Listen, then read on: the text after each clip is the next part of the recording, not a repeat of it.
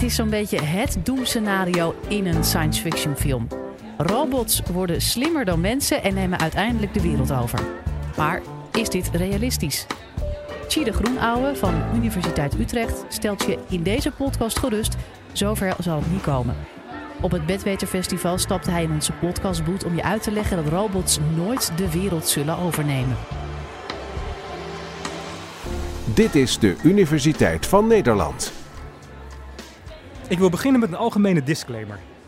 Een podcast van enkele minuten is niet voldoende om recht te doen aan alle nuances rondom dit diepzinnige thema dat nauw verwant is aan de vraag wat het betekent om mens te zijn. Laat staan een filosofische reflectie erop. De titel van mijn praatje wil ik allereerst nuanceren. Onder andere sluit ik niet alle doemscenario's uit rondom wat wij artificial intelligence, oftewel AI, noemen. Het doemscenario waar ik mij nu op zal richten is of machines intelligenter zullen worden dan mensen in alle opzichten. Ook wel strong AI, sterke AI genoemd. Zijn we in feite onze machinale opvolgers aan het creëren? Opvolgers die ons zullen houden als een soort slaaf, zoals in de film The Matrix, of die ons gewoon helemaal willen uitroeien, zoals in The Terminator. I'll be back. U hoorde mij zojuist iets zeggen als iets dat men AI noemt. Die formulering was geen toeval. Ik geloof namelijk dat AI een misnomer is. Dat het een begrip is dat voortkomt uit een verkeerde conceptualisatie van de werkelijkheid. En dat klinkt misschien vreemd voor een man die al jarenlang AI-onderzoekswerk doet. In de conclusie zal ik dit raadsel ophelderen. Merk op dat vijandige strong AI alleen mogelijk is als strong AI mogelijk is. Daarom breng ik de vraag nu terug tot de mogelijkheid van het bestaan van strong AI. Dit praatje bestaat uit een afbreek en een opbouwgedeelte. In het afbreekdeel zal ik onder andere een kritische blik werpen op veel voorkomende stilzwijgende aannamen die ten grondslag liggen aan het idee dat strong AI wel mogelijk is. In de opbouwfase zal ik een alternatief wereldbeeld schetsen. Eén dat ook een enorme positieve belofte voor de toekomst inhoudt. Tijd voor het afbreekdeel. Laten we beginnen met een praktische onmogelijkheid. Het menselijk brein is ongelooflijk complex. Sommige wetenschappers nemen bovendien aan dat kwantumeffecten ook een rol spelen in haar proces. Een recent artikel van Ringel en Kovritsin demonstreerde dat een computersimulatie van een paar honderd elektronen, waarbij rekening wordt gehouden met kwantumeffecten, op een hedendaagse computer een geheugen vereist dat bestaat uit meer atomen dan beschikbaar zijn in het hele universum. Laat staan dat op die manier een menselijk brein met 86 miljard neuronen kan worden gesimuleerd. Daarvoor zou eerst een volkomen nieuw type computer moeten worden uitgevonden, als dat überhaupt mogelijk is. Impossible. Ik wil echter naast de praktische onmogelijkheid van strong AI nog verder gaan en ook de ontologische, zogenaamde ontologische onmogelijkheid onderzoeken. Ontologische onmogelijkheid betekent dat iets überhaupt niet kan bestaan of ontstaan. Net als dat het onbestaanbaar is dat je van de rand van de aarde zult vallen. Omdat de aarde simpelweg niet plat is, maar bolvormig. Er zijn verschillende, veel voorkomende en vaak stilzwijgende aannamen die ten grondslag liggen aan het idee dat strong AI wel mogelijk is. In dit college heb ik slechts ruimte om er één te behandelen. Het filosofisch-materialistische wereldbeeld, ook wel het fysicisme genoemd. Dit is het wereldbeeld dat alles uit materie en energie bestaat, die strikte wiskundige wetten volgt. Wat betreft strong AI redeneert men ongeveer als volgt. Alles bestaat uit materie en energie, die wiskundige wetmatigheden volgt, zo ook het brein, dat bewustzijn en intelligentie bevat. Daarom concluderend, als we een machine bouwen met dezelfde structuur als het brein, hebben we strong AI gecreëerd. Dit wereldbeeld is echter problematisch, omdat bij nadere inspectie het bewustzijn volledig buiten haar bereik lijkt te liggen. Het probleem is dat het materialistische model geen onderscheid kan maken tussen iets of iemand die daadwerkelijk een bewuste ervaring heeft, of iets dat zich alleen maar gedraagt alsof dat zo is. Immers, als een configuratie van materie en energie, die strikte wiskundige wetmatigheden volgt, zich gedraagt op een manier die bewust lijkt, dan is die vanuit het materialistische oogpunt volkomen niet te onderscheiden van een die daadwerkelijk samengaat met een bewuste ervaring. Dit is nauw verwant aan het zogenaamde Chinese Room argument van John Searle. Er zijn verschillende in mijn optiek niet geslaagde pogingen om het materialisme alsnog te redden, waarvan ik er hier twee kort zal noemen. 1. Neem aan dat het bewustzijn op een of andere mysterieuze wijze immigreert vanuit deze wiskundig geleide interacties. Echter is dat niet een manier waarop men niet-mathematische elementen via een achterdeur toch in het model toestaat.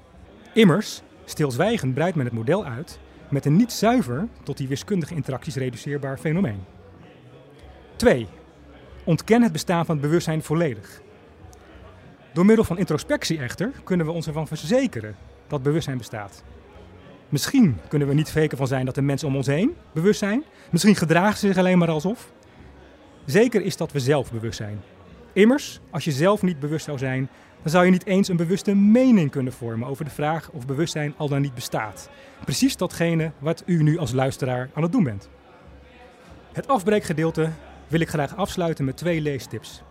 De machine voorbij van Maarten Kolen, C-O-O-L-E-N, en Beyond Structure van Luc Eduard Fleischakker, F-L-E-I-S-C-H-H-A-C-K-E-R. Oké, tijd voor het opbouwdeel. Hierin zal ik een heel ander perspectief bieden. Dat duidelijk moet maken waarom ik mijzelf een IA-researcher en niet een AI-researcher noem. IA staat hier voor Intelligence Amplification. Ehm, deze term neemt aan dat intelligentie niet gecreëerd wordt, maar al bestaat. De technologie die we gecreëerd hebben versterkt die intelligentie alleen. Ze vervangt haar niet.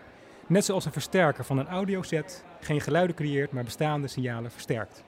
Het alternatieve wereldbeeld hanteert als uitgangspunt dat bewustzijn in zijn meest pure vorm altijd en overal aanwezig is. En dat ook altijd zal blijven. En zelfs het begrip tijd overstijgt.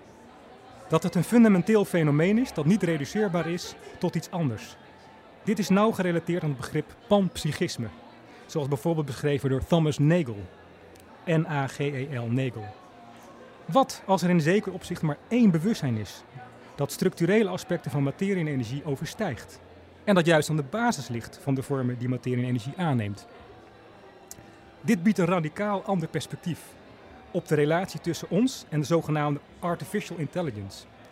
Wat als moderne technologie in essentie niets nieuws is, maar de voortzetting van een proces dat al zo oud is als het leven zelf.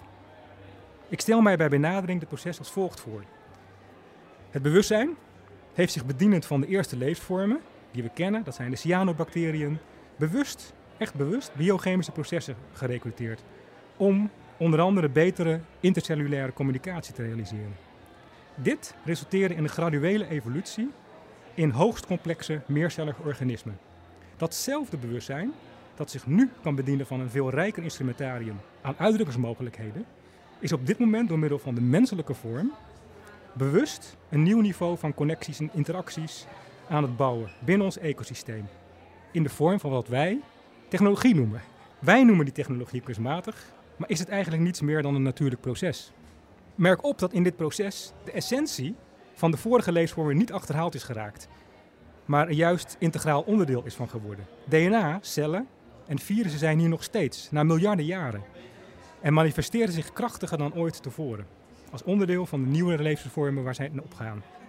Op dezelfde wijze dat DNA niet overbodig is geworden, geloof ik dat de menselijke vorm in zijn huidige of een geëvalueerde vorm nog een lang deel zal uitmaken van de manier waarop dat bewustzijn zich uitdrukt.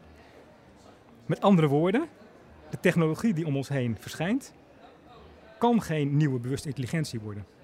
Een juiste beeld is dat ze een verlengstuk vormt van de reeds bestaande vormen waarin bewuste intelligentie zich uitdrukt. Vergelijk het met het graven van waterkanalen. Kanalen zijn niet een manier om water te creëren uit het niets, maar een manier om bestaand water op nieuwe manieren, manieren nieuwe creatieve manieren, door het land te leiden. Uh, bovendien maken kanalen ook oceaanbekkens en rivierbeddingen niet overbodig, maar vormen een uitbreiding op het bestaande netwerk. Een bewust intelligent wezen dat bang is dat technologie zijn intelligente opvolger wordt, is zoiets als water dat bang is om opgevolgd te worden door kanalen die nu gegraven worden.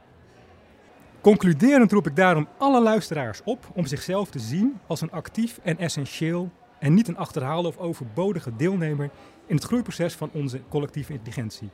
Om de ontwikkelingen nauwgezet te volgen en te handelen naar kritisch gevormde opinies. Zie ons als de eerste 16e eeuwse ontdekkingsreizigers. Nee, we hoeven echt niet bang te zijn om van de rand van de aarde te vallen. Simpelweg omdat deze bevormer is. Echter, als pioniers zijn we wel op een tocht met allerlei andere gevaren. Zoals privacy schending, scheve machtsverhoudingen tussen mensen met technologische know-how en die zonder. En misbruik van geavanceerde big data-driven surveillance technieken om mensen te onderdrukken en manipuleren. Samen met een diversiteit van mensen met elkaar aanvullende talenten en perspectieven, juist ook niet-technologen, kunnen we toezien op de gebalanceerde ontwikkeling van intelligence amplification. Ik ben betrokken bij een jong instituut dat probeert hieraan een bijdrage te leveren. Het Nankwanu Instituut, N-A-N-Q-U-A-N-U. Bij interesse bent u van harte genodigd om contact met ons op te nemen.